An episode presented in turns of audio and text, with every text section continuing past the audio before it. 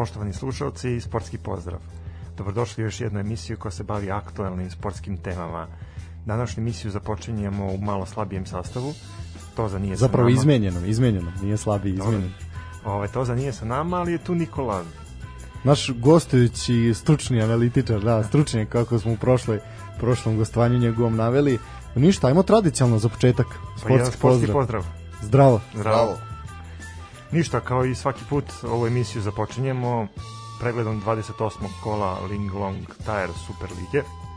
Krećemo od petka, tako? Petak, tako je, sjajna uvertira za 28. kolo Super Lige, bila je u Gornjem Milanovcu gde su jedan fantastičan meč odigrali e, Metalac i Napredak. E, Ono što je svakako obeležilo ovu utakmicu to su dva sjajna pogotka prelepa, jedan je bio u stilu e, Nikole Drinčića, to je ovaj put je Pecelj već u 7. minutu sa skoro 30 metara postigao jedan fantastičan pogodak pod prečku i našeg ovaj sugrađana Milana Spreme koji je izuz, možda čak i najbolji pojedinac napretka ovaj na ovoj utakmici isto jedan fantastičan fantastičan ovaj uh, udarac i onako pre, zapravo doneo preokret jel, i bodove bodove napretku Ja moram da kažem, pre nego što sam Mhm. ovaj, počeo da, da analiziram ovu utakmicu, kada sam gledao dobro dobro da, Kada da. sam gledao utakmicu, ovaj učinilo mi se da stvarno ova utakmica zavređuje pažnju. Da. I stvarno je odisala dobrim šansama, dobrim prilikama i dobrom igrom i očekivao sam iskren da budem celo tako kolo. Međutim međutim Međutim, da, ovaj, dobro, idemo redom. Ovaj, uvertira je bila odlična, uh, 11. put u sezoni Metalac odigrao nerešeno, ovaj, i za sada imaju samo jedan poraz na domaćem terenu ove sezone, a to je samo od Crvene zvezde, protiv Partizana su igrali nerešeno.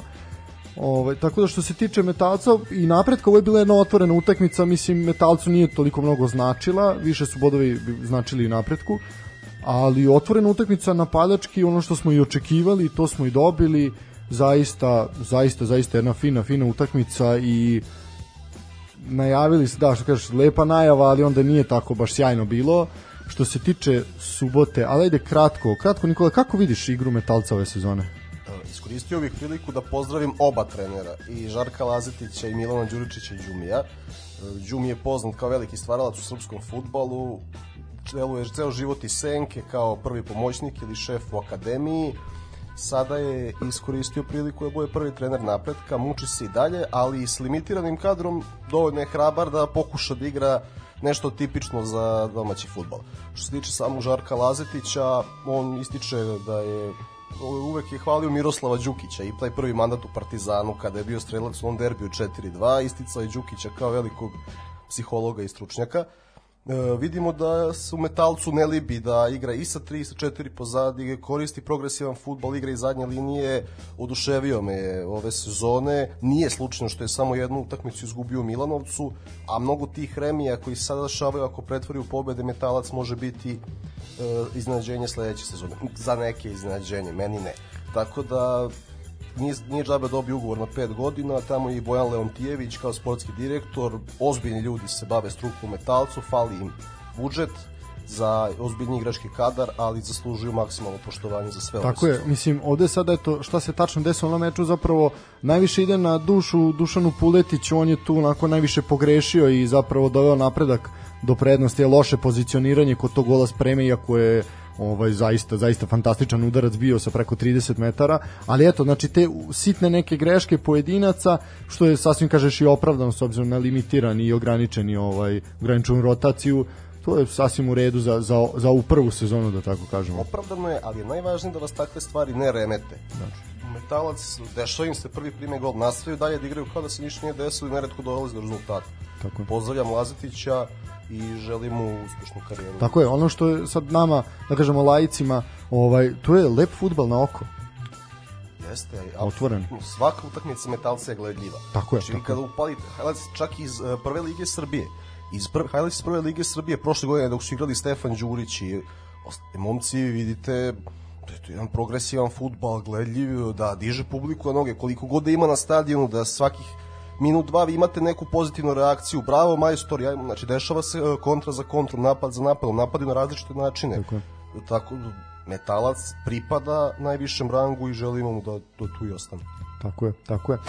E sad idemo na utakmicu koja nije bila toliko ovaj progresivna i gde sam se ja onako instant razočarao.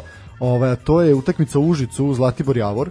Tu se slažem sa tobom i delim isto mišljenje. Da, da, pričat ćemo i o čemu. Znači imali smo prvo, uh, može se reći da posle ovog poraza Zlatibor potpuno otpisan. Mislim, mi smo ga otpisivali, ali ajde, on je tu pobeđivao, neke bodove skuplja, ali mislim da je sad potpuno, iako ima još deseta kola do kraja, ali mislim da je to sad završeno. E, ono što je, utakmica je bila štura i prazna što se tiče futbala, ali je zato obilovala psovkama i crvenim kartonima, s tim da ne na terenu, već pored njega. Tipično za srpski futbol. Tako je, meč sa velikim ulogom vodio je sa centra Srđan Jovanović, poznat nam je ovaj iz prethodnih godina. On je pokazao dva crvena kartona klupi domaćina. Prvi uh, Predrag Uristanović, to je nedavno postavljeni trener ekipe iz Čajetine, a potom jedan od njegovih saradnika. Uh, na snimku, tačnije jel, uh, sažetku utakmice se vide i čuju se čuju se psovke i reakcije. Tako da čit, dali su jednu izjavu posle koju ćemo ajde nakon nakon komentara utakmice ćemo i to to ovaj proći. Što se tiče same igre Javora, Javor je pokušao da kombinuje i nije to toliko loše bilo s obzirom da su igrači Čajetin se više trudili da naprave neku obstrukciju te igre nego da nešto kreativno stvore. Javor je došao da je neizgledne šanse, šut iz daljine, odličan udarac, dobra reakcija golmana, el koliko je on to mogao da da paradao nekog zustaja, ali odbio loptu na peterac do Andrija Ilića koji daje u drugom vezanom kolu gol. momak se lepo snašao, peterac nema šta, zakucao je tu loptu u mrežu još jedna odlična prilika je bila za Javor nakon kornera gde je lopta otišla tik pored stative. Javor je bio dominantniji i ono što je Zlatibor uspeo da za 90 minuta bila jedna kontra 3 na 1 gde je igrač prošao po levoj strani i umesto znači navukao je na sebe od, odbrambenog igrača i umesto da pusti znači dvojica igrača gol mogli su da biraju šta da rade. Čovjek je šutnuo sa, sa 20 metara i i ništa, golman je to lako ukrotio i tu se videla čak i nezadovoljstvo i neki nedostatak kohezije u timu Zlatibora tako da mislim da to sve sve ovaj govori da Zlatibor putuje, putuje mislim ja, ja svakako znam da njima nije lako u njihovoj koži. Apsolutno. I borba za opstanak je teška eto imamo na kraju tu situaciju gde je trener domaće ekipe izjavio da ljudi u fudbalskom savezu već žele da Zlatibor ispadne iz lige a da se oni navodno bore. Da, da, da možemo pročitati izjavu pa ćemo da, da, mislim da je bolje tako. Ne da. izgledaju kao tim koji se bori. Tako mislim je. da su se odavno predali, traže alibi, ali... Evo ovako, znači, to što se tiče izjave, ovako, citiram, Koliko vidim, neko je ovde već odlučio da Zlatibor mora da ispadne, ne samo za ovu utakmicu, već i za neke prethodne. Kako ja to kažem, internacionalci su i najbolji znaci da to odrade. Nije ni čudo što je ova malobrojna grupa ljudi koja prati utakmice Kivna. Nije to ništa e, ružno za Javor, ali je rešeno to da Zlatibor ispadne iz lige. Možemo to danas slobodno da kažemo. Rešeno je na nekom drugom nivou, ne na terenu, rekao je Predrag Ristanović, od koji smo rekli isključen. A ovako Predraže Ristanoviću, mislim da ste morali više da pokažete na terenu, ne samo na ovoj utakmici, nego generalno tokom, tokom sezone, sezone da, tokom cele sezone niste pokazali kvalitet da se borite u elitnom rangu takmičenja, ma kakav taj tak, rang takmičenja bio, ima šta drugi pričali o tome, zaista, zaista nema, nemaju kvalitet, a i nisu pokazali čak ni u bilo kom segmentu da mogu da se da mogu da se nose sa sa ostalim superligašima tako da meni su oni delovali cele ove sezone kao da su došli na izlet na svaku utakmicu To su bile utakmice gde su oni nešto pokušavali, da li su uigravali ekipu za, za narednu godinu, ja ne znam, ali su stvarno tako delovali, između ostalog, meni stvarno nije žao što, što će Zlatibor sledeće godine ovaj, biti u, u drugom rangu takmičenja. Apsolutno su zaslužili da ispadnu i mislim da se mislim da se oni neće više vraćati u Superligu, ali niko nikad ne reći nikad. Se videlo se još na letnjim pripremama na utakmici sa Partizanom da oni samo žele da izazivaju pažnju. Da. E, psovke koje si pomenuo prisutne tokom cele te utakmice. Mislim najsočnije psovke su u zapadnoj Srbiji. Da. opšte poznato ko je za sve nas koji smo išli na ta gostovanja. Ali, najsočnije lepinje isto. Tako je lepinje i psovke. Ali Iri Stanović se prilično primitivno ponašao letos, pokuša da skrene pažnju na sebe, 90 minuta provocira Savu Miloševića, znači jednostavno videlo, samog starta se videlo da je to tim koji je slučajno tu dospeo proširenjem lige, da im tu nije mesto, nisu apsolutno jedan segment pokazali vredan opstanka, rano su se predali i sada traže krivca drugo mesto. Mene ova izjava asocira na Recka Antića mm. u trenucima kad vidi da ispada ranije iz prvog ranga, sada iz drugog, uvek je neko, neko drugi kriv i ne bih ništa više rekao o samom Tako je, tako je. Mislim da to ne, nije više vredno ni pomena i mislim da kao što rekli potpuno smo ih otpisali. Uh, idemo dalje. Uh, u Nišu isto mršava utakmica. Radnički voždovac 0-1 je završilo. Uh, Radnički imao ozbiljne šanse iz prekida, mogao je da dođe do boda. Realan rezultat ove utakmice je je nerešen. Pa ali... može čak i, i, i da kažem pobeda Radničkog. Radnički u jednim momentima stvarno imao prilike gde je mogo da realizuje i da postigne gol, međutim, eto, Voždovac je to iskoristio iz da. jedne kontre. Da, gol Stanisavljevića, da, iskusnog, iskusnog igrača. Pa važna tri boda za Voždovac, važnija opet nego, nego radničkom. Mislim, eto sad se ja ponavljam, ovaj, prošlih, u prošlim emisijama smo ih eh, kudili, ali eto sad su nas iznenadili baš na vrućem gostovanju u Nišu i odneli su tri boda mislim da ovo, ova pobeda Voždovcu znači jer su mogli da dođu u situaciju da da lako padnu Pa već su bili, ovo su bitni bodovi, znači ka iskoraka bezbednoj zoni. Inače, ovo je prva pobeda u istoriji za Zmajeve u Nišu, znači do sada nikad nisu odneli sva tri boda. Tako, naj, kad je bilo najbitnije, to se desilo. Jedan najnepredvidivih timova Lige Voždovac, već nekoliko sezona unazad pokažu atraktivan futbal nekoliko kola, oduševe neutralne, onda padnu kada svi krenu da ih kude, oni se podignu, tu su uvek ostvare neki svoj primarni cilj, sada su opali, ali verujem do kraja sezone da će u suštini biti tamo gde im je mesto i tamo gde su zamislili da će biti na da. početku sezone.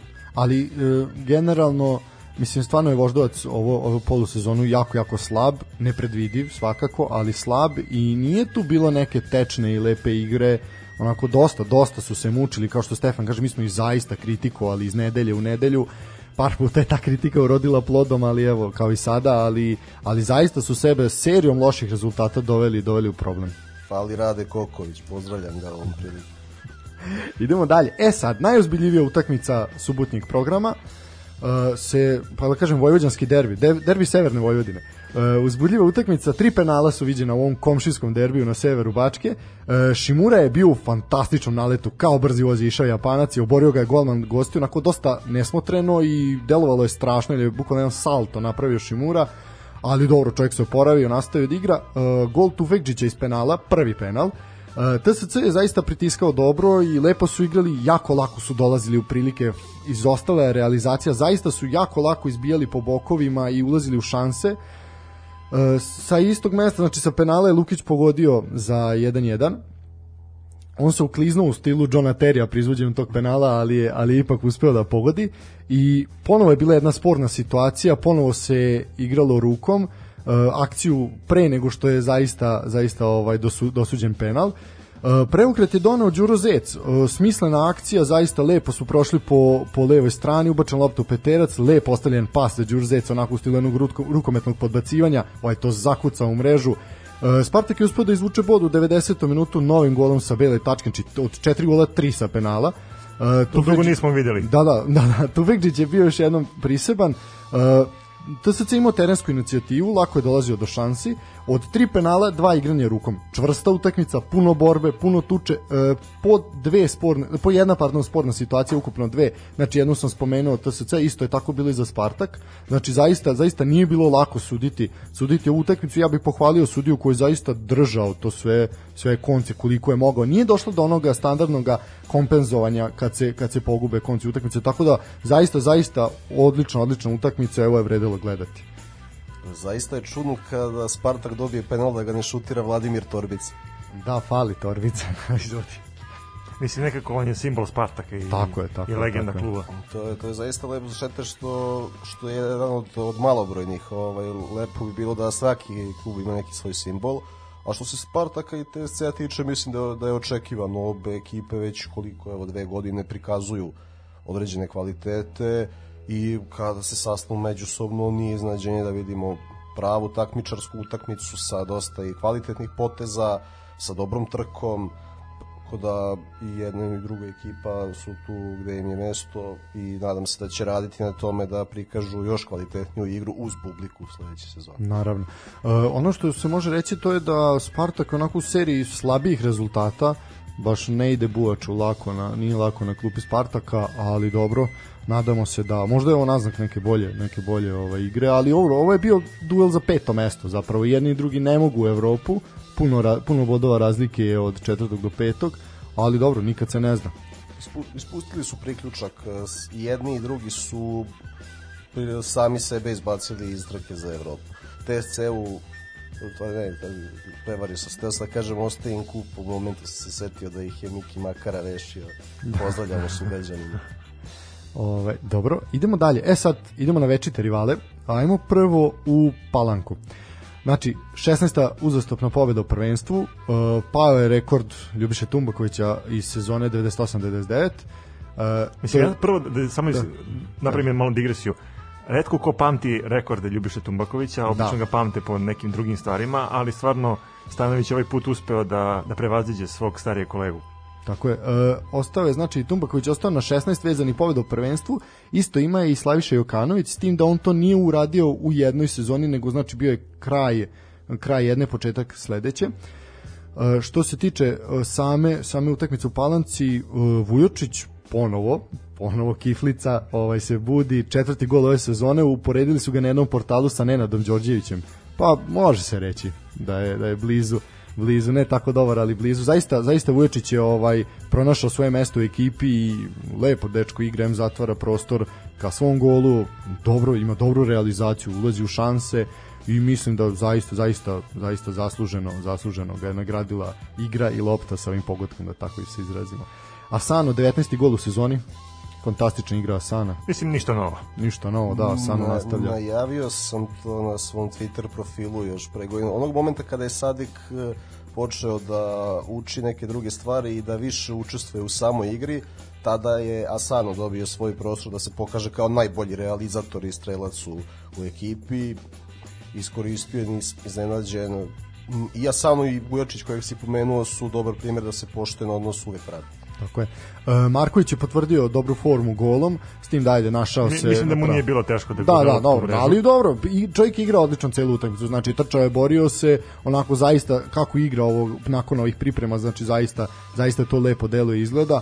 E, Mladi Jović postigao efektan pogodak glavom, lep centar šut, čovjek se lepo snašao, zaista onako... Mislim da njemu to za samopouzdanje veoma znači. Mnogo, mnogo znači. Obzirom da mu je ovo prva godina profesionalnog futbala. A dobro, ali efek, efikasan je za sad. Slažem se i mislim da Partizan računa na njega u budućnosti. Da. Ono što brine svakako ekipu Partizana, to je povreda Holendera.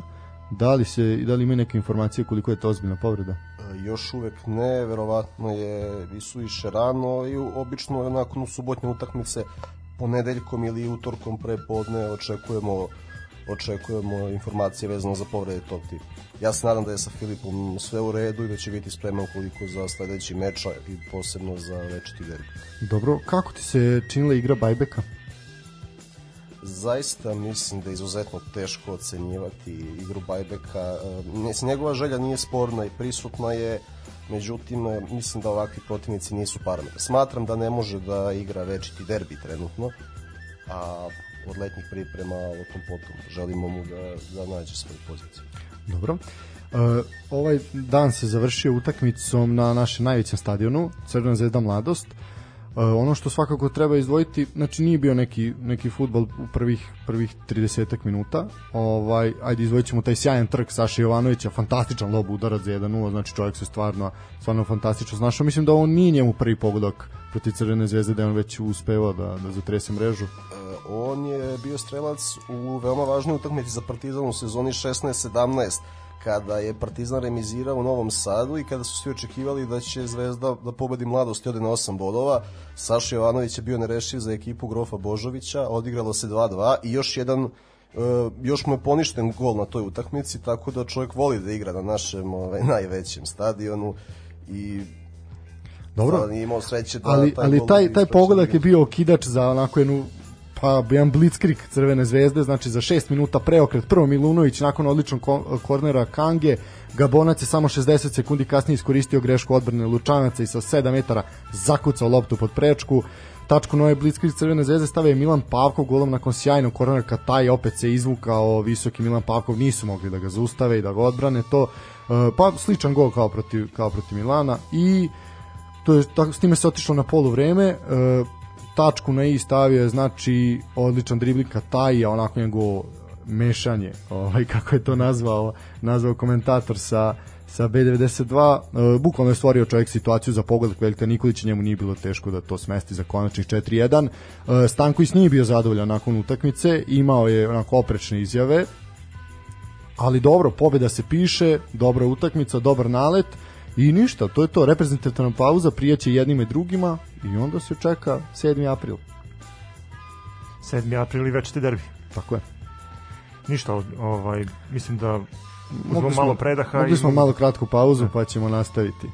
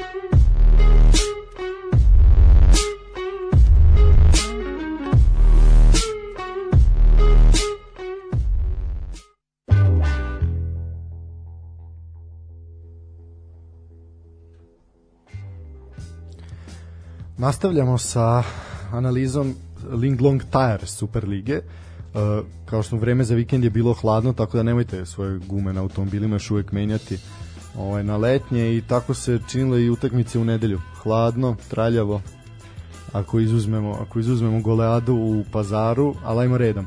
U Novom Sadu Vojvodina Indija jedan mali vojvođanski derbi isto. Uh, Indija imala šanse, četiri ozbiljne prilike sam ja izbrojao. Uh, međutim Vojvodina je brzo rešila meč, Stojković sa penala u 17. minutu i 60 sekundi kasnije Simić još jedan pogodak, Simić zaista lepo igra pod Lalatovićem i mislim da mu je našao našao mesto, zapravo dao mu je šansu, nije imao toliko šanse u Crvenoj zvezdi. Uh, Indija je napadala, Vojvodina isto uzvrćala, mislim onako igrali su rasterećeno jedni drugi i Bastajić je u nadoknadi vremena iz penala nakon igranja rukom, mislim Kovačevića, uh, postigao pogodak za 2-1, napadala Indija tu poslednjih 5-6 minuta, ali jednostavno kasno su se kasno su se probudili i bili onako malo konkretniji, tako da Vojvodina upisuje tri boda i ustaljuje se na učvršćuje se na trećoj poziciji tabele.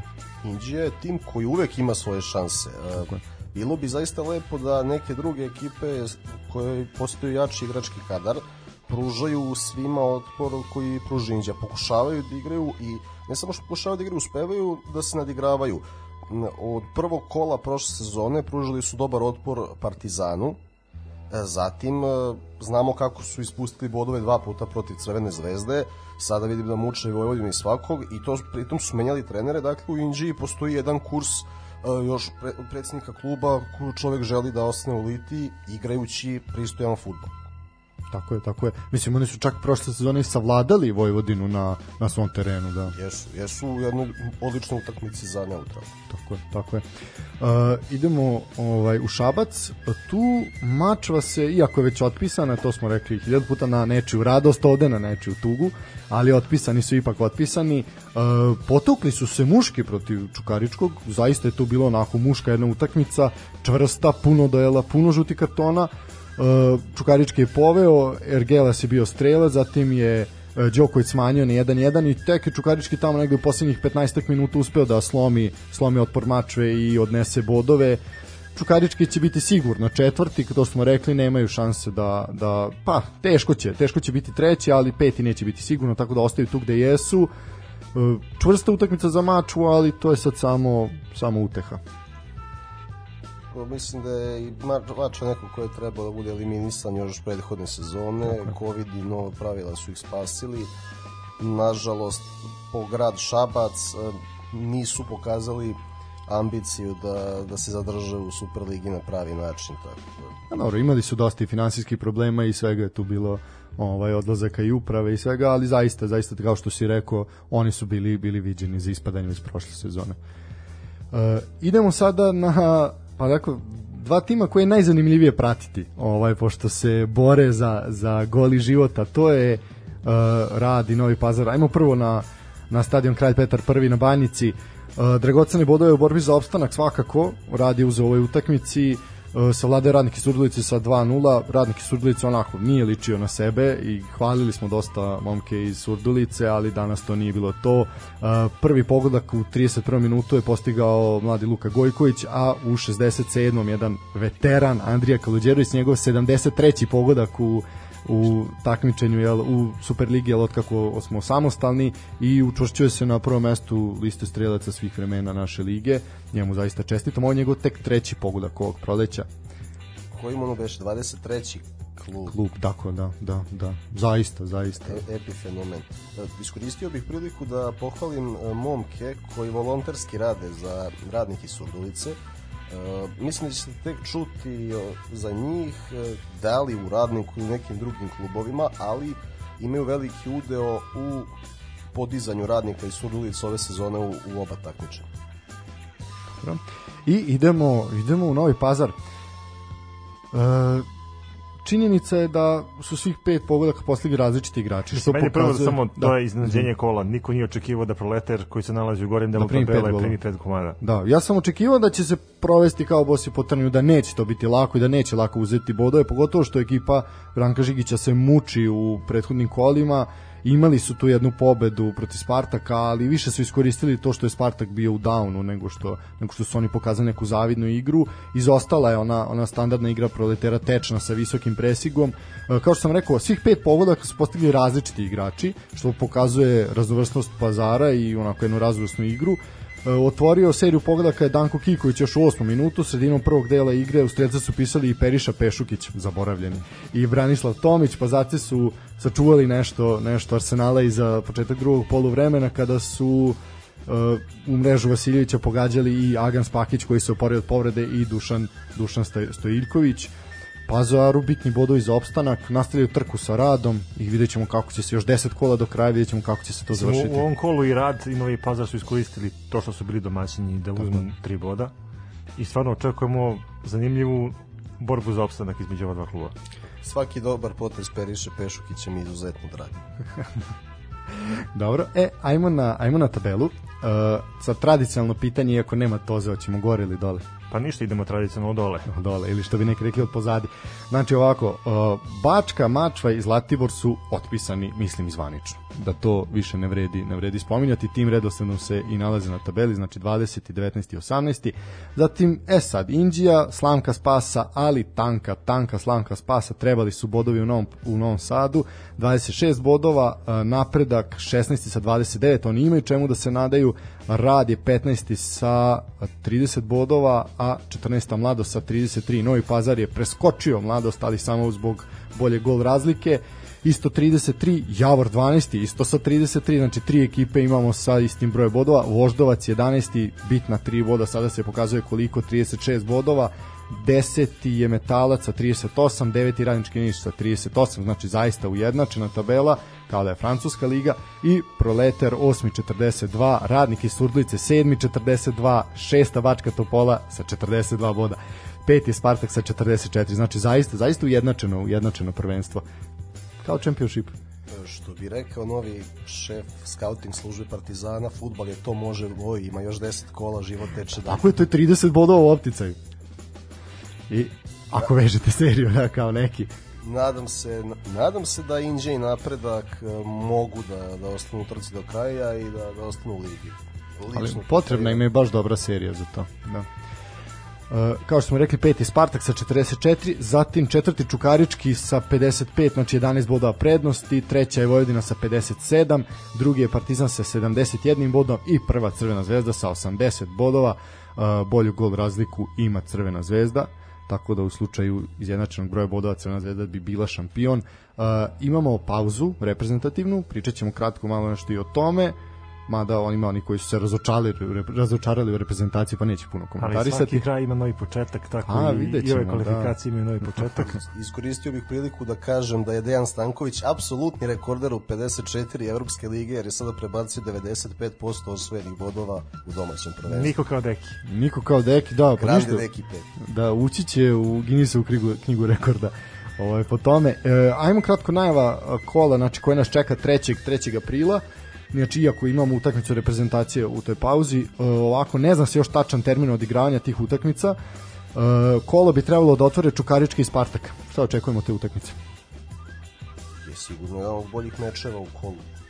Da, počekujemo atraktivan futbol, napadački. Biće pa mislim, mi uvek očekujemo atraktivan futbol. A mislim da će nam opravdati očekivanja. Opravdati će očekivanja, očekujemo visok intenzitet, mnogo duela, dosta kartona i bar, bar tri gola u mreži oba tima.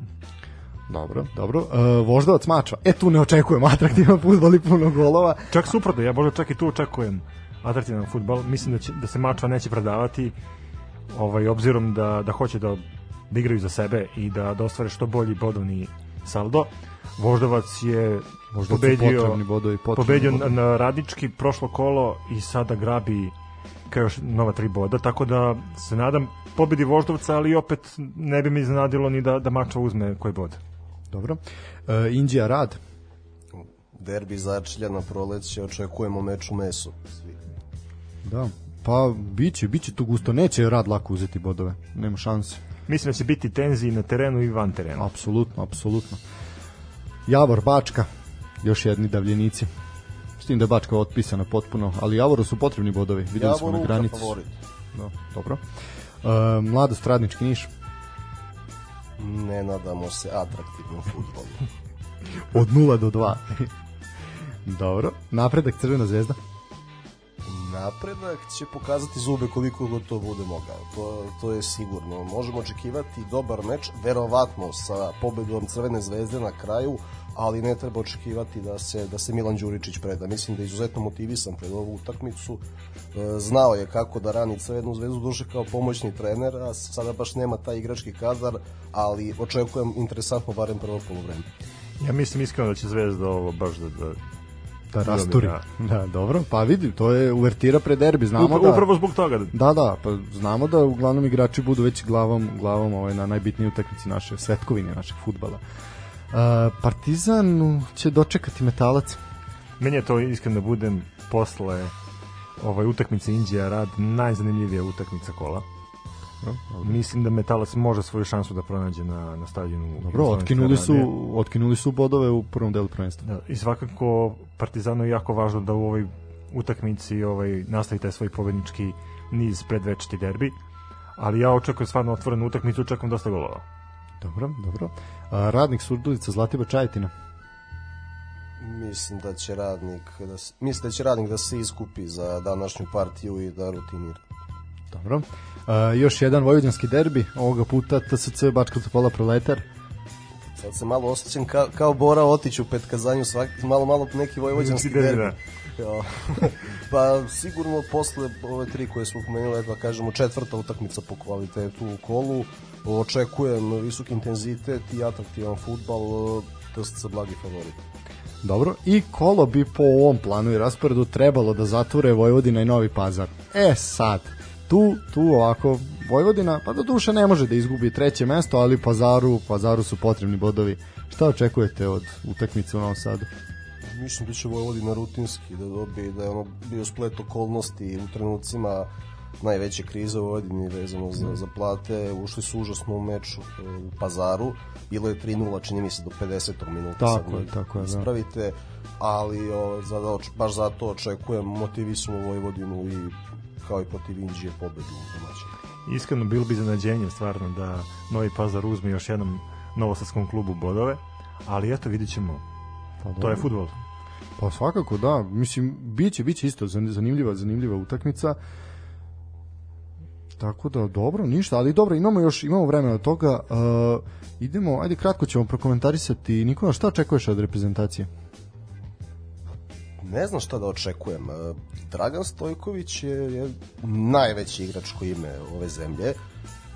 Ne može sa, u slačionici njemu niko reč da kaže, zato što ne samo što je bio veliki klubski igrač, nego je bio veliki reprezentativni igrač. Ako pogledamo u kojim utakmicama se on pojavljivao kad je trebalo i za klub i za reprezentaciju, e, to zavređuje maksimalno poštovanje. S druge strane imam skepsu prema stručnom štabu kojim se okružio, mislim da je u moru mladih momaka koji se sve više pojavljuju u Srbiji mogao bolje da odabere.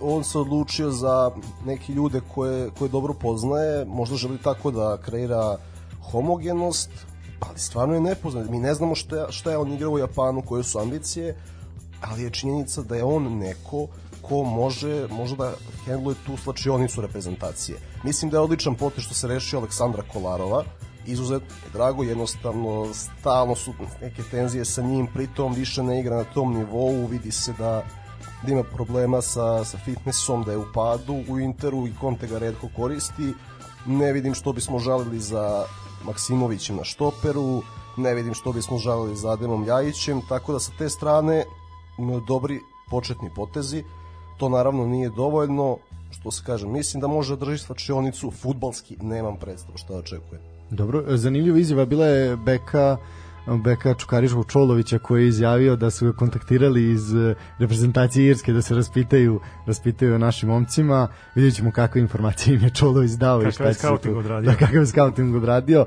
Ovaj, pa dobro, to je mač sa dve oštrice, vidjet ćemo šta im je rekao i kako će se Mislim da sa Bardom Živom treba da se posavetuje, zna se ko je pobeđivao Irci. Dobro. Dobro, momci, ajmo na kratak predah, pa ćemo malo u Evropu.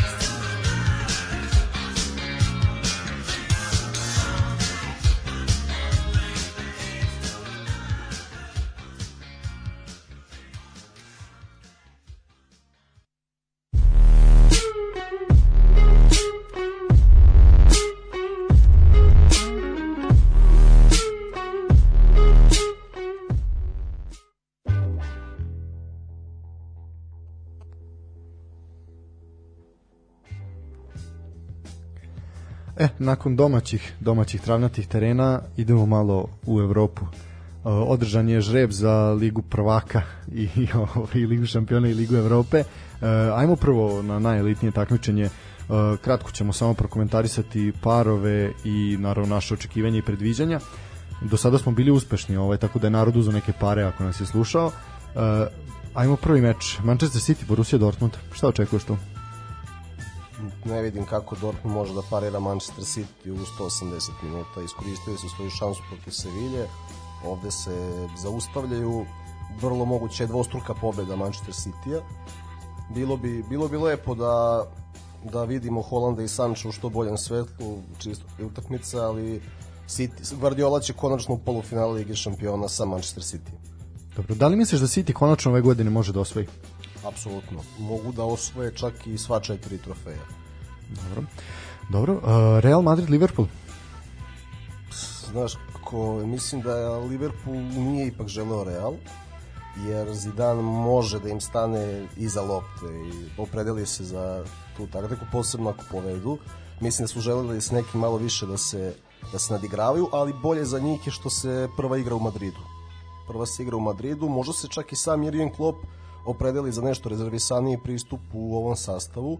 E, biće, biće izvanredna borba 180 minuta. Mislim da Liverpool, ako preskoči Real sa Hendersonom u povratku, da onda može da prođe i Chelsea. Dobro, zanimljivo. Uh, Bayern, Paris Saint-Germain. Mislim da to svi ovaj, željni iščekujemo. Uh, dve ekipe koje imaju izuzetan kvalitet uh, i obe žele dominaciju prostorom, a ne loptu. Hoće se revanširati Parižani? Bavarci.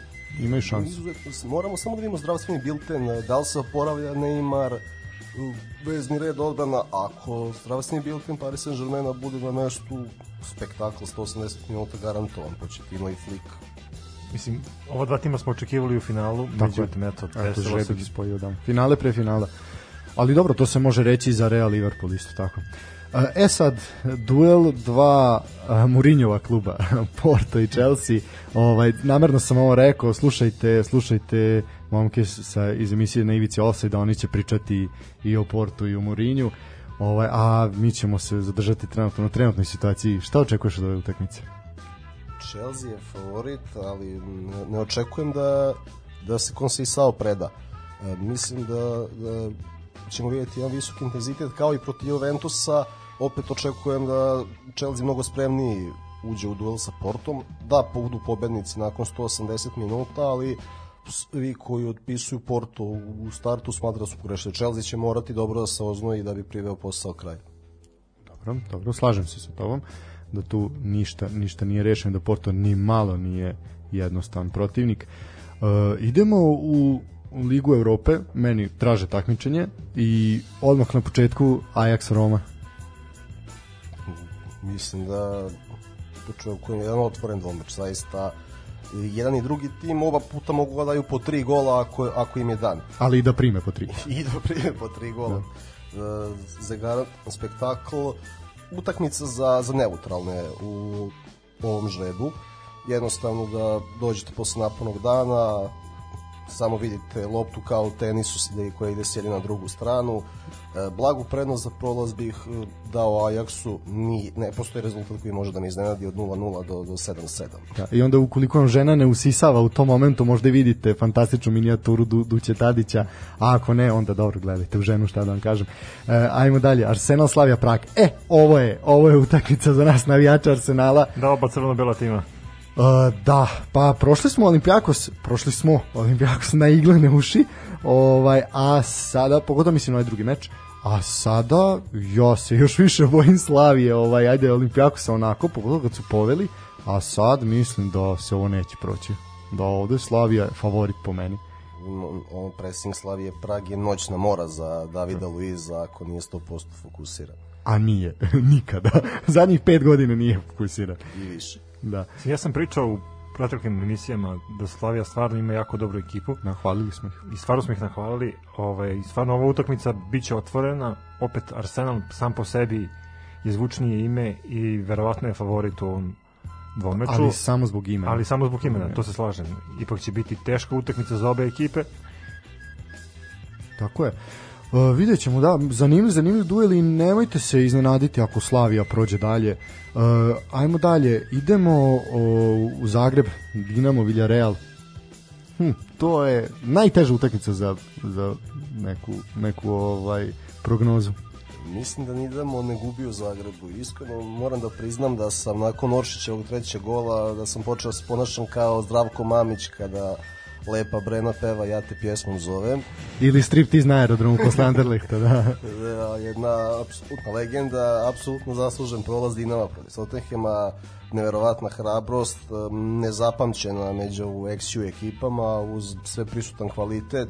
To je jedan kontinuirani rad, klubska vizija, slobodno možemo da kažemo, u sve to što ih prati van terena, ali ipak e, to je klub sa planom, zasluženo su tu gde su i želim im sreću i protiv Villarreala. Da, pričali smo, pričali smo dosta o Dinamu i prethodni put kad je sa nama bio Stefan, ali je drugi Stefan ovaj, iz naše sportske, široke sportske redakcije.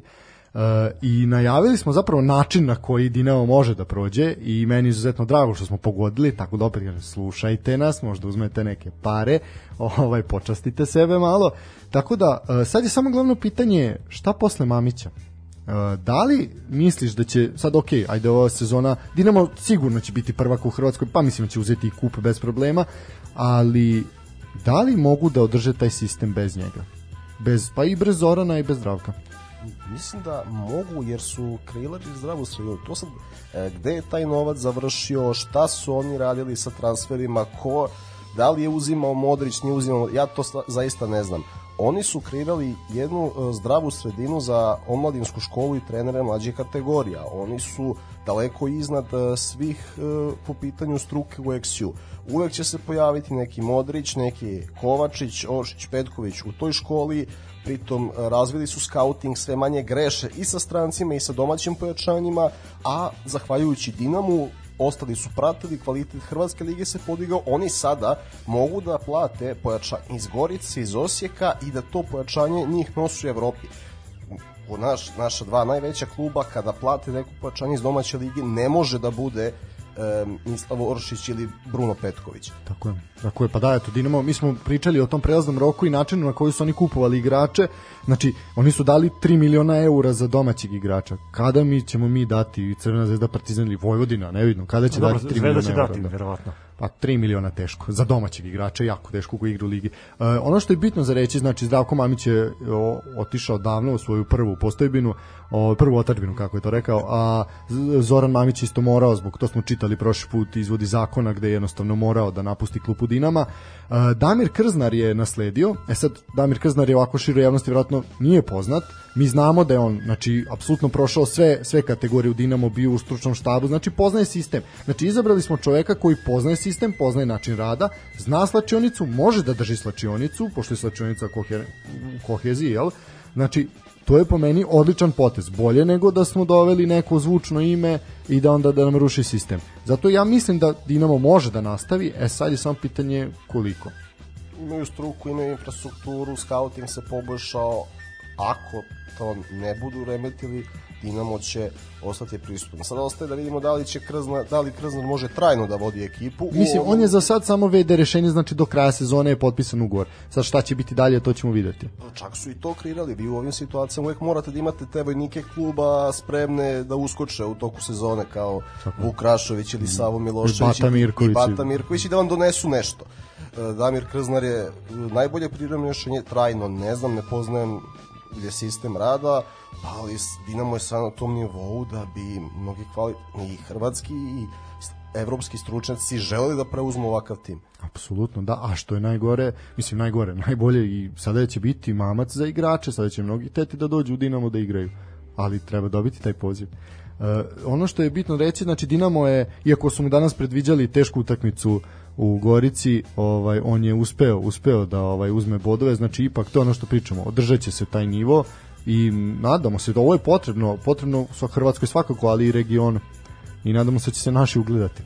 I evropskom futbalu. Mene užasno postao strah e, koliko malo ekipa ima hrabrosti da se suprotstavi onima koji imaju veće zvezde na papiru, veći budžet. Dinamo i Slavija pokazuju da je to 11 ljudi protiv 11 ljudi tako da što duže Dinamo ostaje prisutan, to je dobro za futbol.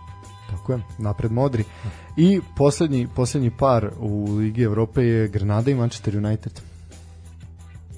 Ne očekujemo... Iznenađenje. Ne, ne, ne, ne očekujem ni iznenađenje. U 180 minuta mislim da United rešava stvar, ali ne očekujem... Mislim da je to poslednja utakmica koju bi gledao od, od ova četiri para što se tiče samog futbola. Tako je. Slažem se, slažem se sa tobom. Uh, E, dobro, to bi bilo to što se tiče, tiče evropskog futbala. E, možemo na kratku pauzu, pa ćemo preći na parkete. Može, može.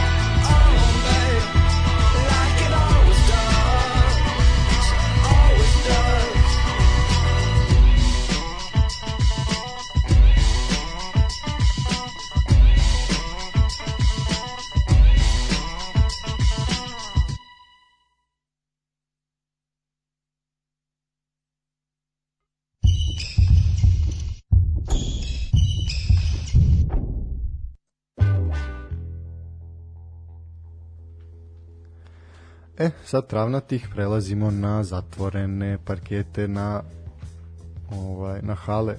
Idemo, preskočit ćemo basket ovaj put, e, nisu zavredili pažnju i naš komentar malo ćemo odmoriti i od jednog i od drugog našeg najvećeg kluba. E, nisu imali nek, nešto puno obaveza u pauzi snimanja dve emisije, a prelazimo na ono što je svakako zanimljivije, možda i najzanimljivija liga trenutno, sport trenutno u Srbiji, a to je playoff rukometne Arkos lige.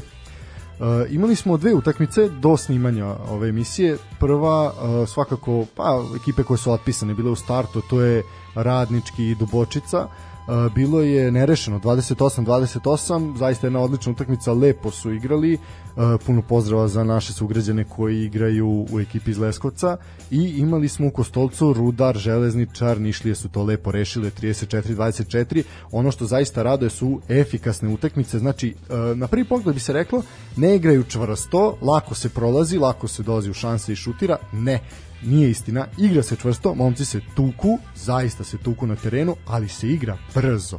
Igra se brzo, znači svi napadi se rešavaju u sedmoj sekundi, što trenere dovodi do ludila, apsolutnog, ali je za onoga ko posmatra tu utakmicu to fantastično ponovo ovaj pohvale za RTV i za RTS koji prenose utakmice kao i za zvanični YouTube kanal Arkus Ligi gde možete gledati gledati utakmice. E, nažalost ono što je najzanimljivije i to su oni konkurentni za titulu nisu još završili svoje utakmice dok mi ovo snimamo. E, Partizan Vojvodina u Beogradu se sastoji, to je svakako derbi derbi kola. Vojvodina kao eto već 7 godina uzastopni prvak prvak države ide na noge Partizanu koji su naja, momci su iz Partizana su najavili borbu, najavili su moguće iznenađenje, Dimitrijević kapitan je bio onako prednjačio u tim izjavama.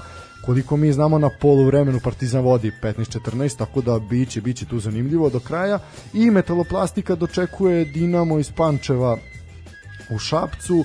Mislim da će to metaloplastika lako rešiti i prići, prići Vojvodini, će možda i preskoči Vojvodinu sa zavisnosti šta će se, šta će se dešavati, dešavati u Beogradu. Zaista neizvesna završnica lige, e, četiri ekipe se bore za titulu, to skoro nismo imali i raduje, raduje porast kvaliteta rukometa domaćeg. E, nažalost imali smo tu tužnu vest, onako devojke su nas razočarale, nisu se plasirale na olimpijske igre, izgubile su svaku šansu u čak posle druge utakmice. Uh, večeras igre utakmicu protiv Kazahstana, ali ona je samo za samo za prestiž. Momci, neki vaš komentar na neuspeh reprezentacije Pa evo ja bi plasira? to iz komentari su stvarno velika žal za, za propuštenom šansom. Mislim da smo posle dugo vremena imali mogućnost da, da vidimo žensku rukometnu reprezentaciju na olimpijskim igrama. Eto, opet su nas razočarale. Salve uvreda su krenule na račun Saveza, na račun selektora. Igračice su počele da izjavljuju određene izjave koje su išle i na njihovu štetu, ali stvarno ja kažem da ovo je uh, jedan od velikih uh, udarca za, za naš rukometni savez, obzirom da znamo u kom se trenutku nalazi Pa, tako je, slažem se sa tom, da. Uh, mislim da čak će i trener da će ovaj tačnije selektor će će ovaj završiti svoj mandat posle ovoga. Videćemo ko će ga naslediti. Postoje neke indicije da će mlađe snage mlađe snage doći na klupu ali o tom potom. Uh, što se tiče same igre devojke su bile pročitane već u, na početku utakmice, znači jednostavno nije nije tu moglo ništa ništa da se uradi, no za prostim mlekom ne vredi plakati. Mislim, Re- jedino što bi sad pada na pamet je ponovna priča vezana za podmađivanje reprezentacije, pa to je samo izgovor. ali je- stvarno ovaj, jako loš rezultat. Da, pa mislim, čak nismo mi, to je sad ona priča koju smo imali više puta ove sezone. Znači, nismo mi bili toliko loši, jesmo, ovi nisu ništa posebno, prosek su i bukvalno nam je trebalo, na primjer, u, u drugoj utakmici je trebalo je samo da vežemo ono četiri odbrane čvrste, da golman nešto odbrani, naravno ne može se kriviti golman, niti on isključivo kriv, ali trebalo je znači tri odbrane da je vežemo četiri, da damo četiri gola i to je ono što je trebalo. Po meni ta taktika selektora da se ide sa uvek sa igračem više, da se izbacuje golman, tu jako puno vremena se gubi, mislim da je to pročitano, to je prošlo na toj jednoj utakmici grupne faze protiv Holandije, ali zaista, zaista to je bilo slabo i ništa, čekamo promene i nadamo se, nadamo se nekim boljim danima za ženski rukomet. E, što se tiče rukometa, ja imam jednu poruku, naime, želimo Željku Perkuniću da se što pre oporavi od bolesti, čovek koji mnogo voli klub, bavi, diše rukometni klub Partizan 24-7, želim mu da što pre bude sa momcima u hali. I moje pitanje za vas, možda bih sad malo skrenuo sa ženskog rukometa na muški, da li ova ujednačnost prve četiri ekipe u ligi znači kvalitet i šta to može da donese muškoj rukometnoj reprezentaciji? Pa, e sad, to je dobro pitanje. I teško pitanje. Teško pitanje, da, ajmo ovako, od prvog pitanja, znači, da li znači kvalitet? Znači. E, po meni, čak i ovaj sistem, znači, play-offa i play-outa je odmah razdvojio žito od kukulja. Znači, imamo ono što je kvalitetno i ti, ti se tuku međusobno. Kao što smo rekli, četiri ekipe su konkurentni za titulu. I sad imaš utakmice međusobne gde ljudi otpadaju. Znači, Železničar je pretio Vojvodini, čitao prvo poluvreme je držao ih je i onda su dobro, pali su u drugom poluvremenu, ali Vojvodina je odigrala, odigrala fantastično. Znači, e, može da se može da se iskoristi. Mislim da je kvalitet u porastu, možda sam i optimista. A što se tiče e, muške rukometne reprezentacije, pitanje je tu sad kako Savez gleda na ligu i koliko gleda na ligu, pritom mislim na stručni deo jel, e, stručnog štaba, na selektora i ostale, da li se fokusiraju na igrači iz domaće lige ili se gledaju momci koji igraju na polju. To sad to je sad pitanje za Mislim, gospodina situacija je Đerona. malo preslikana kao sa, sa futbolom. Pa da. Imamo dosta reprezentativaca koji igraju van naše zemlje i onda je pitanje da li u tom moru igrača koji igraju u našoj ligi može da se pronađe neko ko bi bio vredan pažnje ovaj, koji bi izazvao interesovanje selektora. Pa znam, mislim što se toga tiče, uh, rukomet je takav sport, ok, talentovan si, to je sve u redu, ali ekstreman talenat mora ići uz ekstremnu borbu na terenu. Ako vi imate ekstremnu borbu na terenu kao što smo videli u posljednjim utakmicama muške reprezentacije gde smo svi bili oduševljeni kako momci ginu na terenu, onda taj talenat nije presudan. Znači, ok, onaj ko je talentovan, ko zna da je ekstra klasa, kao što je Nikola Karabatić, na primjer, ajde, on je najpoznatiji svima, znači, svi će znati za njega i onda će i Savez imati tog igrača u oku. Vi imate moro igrača po Mađarskoj, Nemačkoj, po nižim ligama, Nemačkim, Norveškoj, Danskoj, Skandinaviji, znači nebitno, ovaj, koji, koji naš savezni ne zna da su oni tamo. Znači to je vi imate onu onu priču mađarskog saveza gde se svi igrači pred veliko takmičenje vraćaju u domaću ligu da bi bili na oko savezu.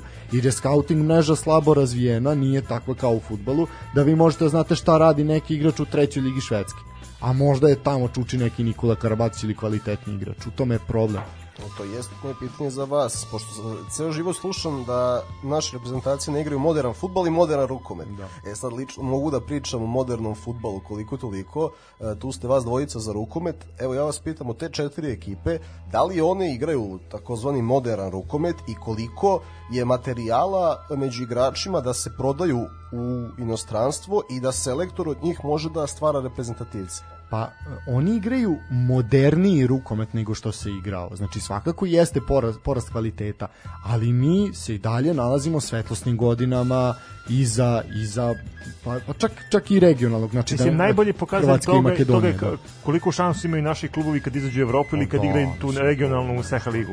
Da, pa mislim to to je jasno, jasno da od toga nema ništa. Mislim dva najkvalitetnija kluba su svakako Vojvodina i Metaloplastika i oni imaju veliku bazu igrača i to su igrači koji će svakako biti nosioci nosioci reprezentacije. Mi sad trenutno imamo e, igrače a, najviše iz Partizana iz Vojvodine koji su u reprezentaciji koji su činili činili okosnicu tih timova i osvajali titule i sa Partizanom i sa Vojvodinom. Znači oni se trenutno nalaze u reprezentaciji što rade. Mene to posebno raduje da su momci koji su to prošli domaću ligu ostavili zapažen ovaj trag tu sad nose reprezentaciju. To je nekako normalan sled, jel? Normalan tok životni. Drago mi je da ima nade. Ima nade, nada, Mislim, nada uvek ima umire. nade. Uvek nada poslednje umire i time ćemo i završiti ovaj današnju današnju epizodu, a to je da nada za revolucijom još uvek tinja. Možda je 41. možda nas agresor gazi, ali još uvek se ne treba predavati. E, šta se desilo? To je zapravo vest je malo starija, ali ajde mi nismo stigli da je obradimo. Ali malo svakako kasnimo. vredna pažnje. Vredna pažnje svakako. Znači, uh, ukratko, košarkaški klub Crnokosa iz Kosjerića, koji je igrao domaću Superligu, je odbio donaciju vladajuće stranke u vidu dresova za mlađe kategorije. Oni su naveli da je to čin jeftine propagande i zloupotrebe dece u političke svrhe i oni su onako izdali jedno saopštenje koje ja neću sada, neću čitati celo, pošto je dugačko. Uh, svakako su obavestili javnost, znači predsjednika opštine Žarka Đokića, da su odbili da prime donaciju u vidu dresova za mlađe kategorije, se to smatra činom jeftine propagande Srpske napredne stranke pred izbore i provokacijom oni koji ulažu svoja lična sredst- sredstva u opstanak kluba, a iznad svega i zloupotreba dece u političke e, svrhe. Ljudi iz kluba se trude da ostave u životu klub, mislim svima je jasno koliko je teška, teška situacija u ovim uslovno rečeno manjim sportovima, pa i manjim klubovima. E, ličnim sredstvima vodili smo decu na utakmice protiv Zvezde, vodili smo ih da gledaju Euroligu, obezbedili im takmičenje i sportsku, ali i ljudsku afirmaciju. E, oni koji su 8 godina na vlasti za, za vreme koje su uspeli da ugase letnji turnir u basketu, čuveni veliki letnji turnir u malom futbalu, koji ne mogu dva koša na poligonu da poprave godinama, a svojim nečinjenjem uskoro će ugasiti sportske kolektive koji e, novcem koje opštine izvaja za sport, a ta cifra je ubedljivo najmanja ne samo u regionu već i Srbije. Ne mogu bez problema da se takmiče u svojim ligama. Pokušavaju na ovaj način da zamažu oči i da stranicama poput jel sad lokalnih medija koje nećemo navoditi, ovakav čin nazivaju ulaganjem u sport i omladinu. Naša opština ulaže ubedljivo najmanje novca u svoje sportske kolektive u Srbiji. Poštovana gospoda i poštovani predsjedniče opštine Kosjerić, vi ste sport u Kosjeriću ugasili. E sad, ovo je samo jedan od primjera šta se dešava na tim, kažemo, Na lokalnom nivou. Pa na lokalnom nivou daju tim, tim ovaj opštinama pa i ligama koje nisu u fokusu javnosti i ovakvi primjera ima milion i mi to znamo, vrlo dobro smo čuli, ali eto, konačno je neko istupio i rekao pa dobro, dosta je bilo. Mislim, ne smije da stane. E, ima, znamo da ima mnogo onih koji bi trebali i nadamo se da, da će konačno da progovore. Neki ljudi više ne bi u, u Srbiji smeli da se igraju i uništitelja i spasilaca u isto vreme, pretvarajući se kad se pojave kao spasioci da su to uradili neki tamo. Puna podrška košarkaškom klubu Crnokosa, a opštini Kosjerić da se izbori sa svim problemima.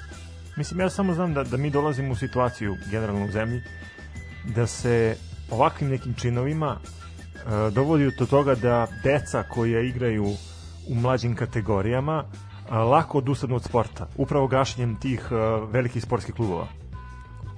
Tako je, slažem se, slažem se apsolutno sa tobom i mislim da je velika sramota što se o ovome nije pričalo. Mislim da ni jedna sportska rubrika nije to nije ovo prokomentarisala niti prenela. Tako da o, samo se potvrđuje ono što sam rekao prošli put Daško i Mlađa imaju mnogo ozbiljniju sportsku redakciju nego neke novine u ovoj Mislim, državi. mislim ja samo da, da napomenem da smo mi u informaciju dobili insajderski, znači nismo znali iz e, lokalnih ili državnih medija. Da, a uskoro ćemo izgleda potvrditi još jednu insajdersku informaciju koju smo iznali u podcastu, ali ajde da sačekamo malo. No, o tom ćemo pričati, o tom, o tom potom. E, ništa ljudi, to je bilo to. Nikola, hvala ti na ovom gostovanju, družit ćemo se svakako i u narednom periodu. E, nadamo se da vam se sviđa ova naša generalna proba, nazvaćemo to tako i uskoro ćemo se čuti uživo, e, imaćemo i broj telefona kojim ćete moći da se uključujete, tačnije vašim porukama ćete učestvovati. Samo SMS učestvovati. cimanje, stop. Da, da, da, ovaj cimanje stop, samo SMS, samo ozbiljni. Ovaj, tako da ćemo učestvovati svi zajedno i graditi graditi ovaj podcast zajedno. Slušajte Momke Nivici Offside, slušajte Daške i Mlađu, slušajte i nas, mi smo za sada besplatni, to znači da smo i najbolji. Uživajte, prijatno, laku noć. Laku noć.